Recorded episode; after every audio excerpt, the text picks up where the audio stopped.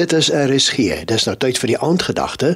Dit word vanaand waargeneem deur Dominee Antoinette Wilson van die NG Gemeente Leidenburg Suid. Donderdag is amper verby.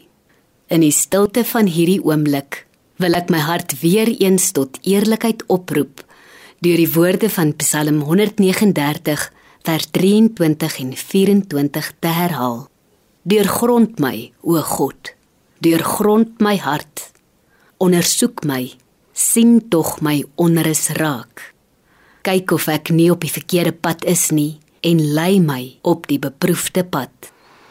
Jesus sê in Johannes 8 vers 32: "En julle sal die waarheid ken en die waarheid sal julle vrymaak." Kans is goed jy ken iemand met blinde kolle in hulle lewe. Dalk het jy 'n vriendin wat graag skinder en dit verbloem met Ek vertel dit net vir jou sodat jy kan bid. Dalk is daar 'n familielid wat onbeskof reguit is en haar verweer met ek sê dit maar net soos dit is. Of daar is iemand in jou vriendekring met 'n drankprobleem wat sou hy of sy daarmee gekonfronteer word sê ek kan enige tyd ophou as ek wil. Ons uitdaging is egter nie die ander mense se blinde kolle nie.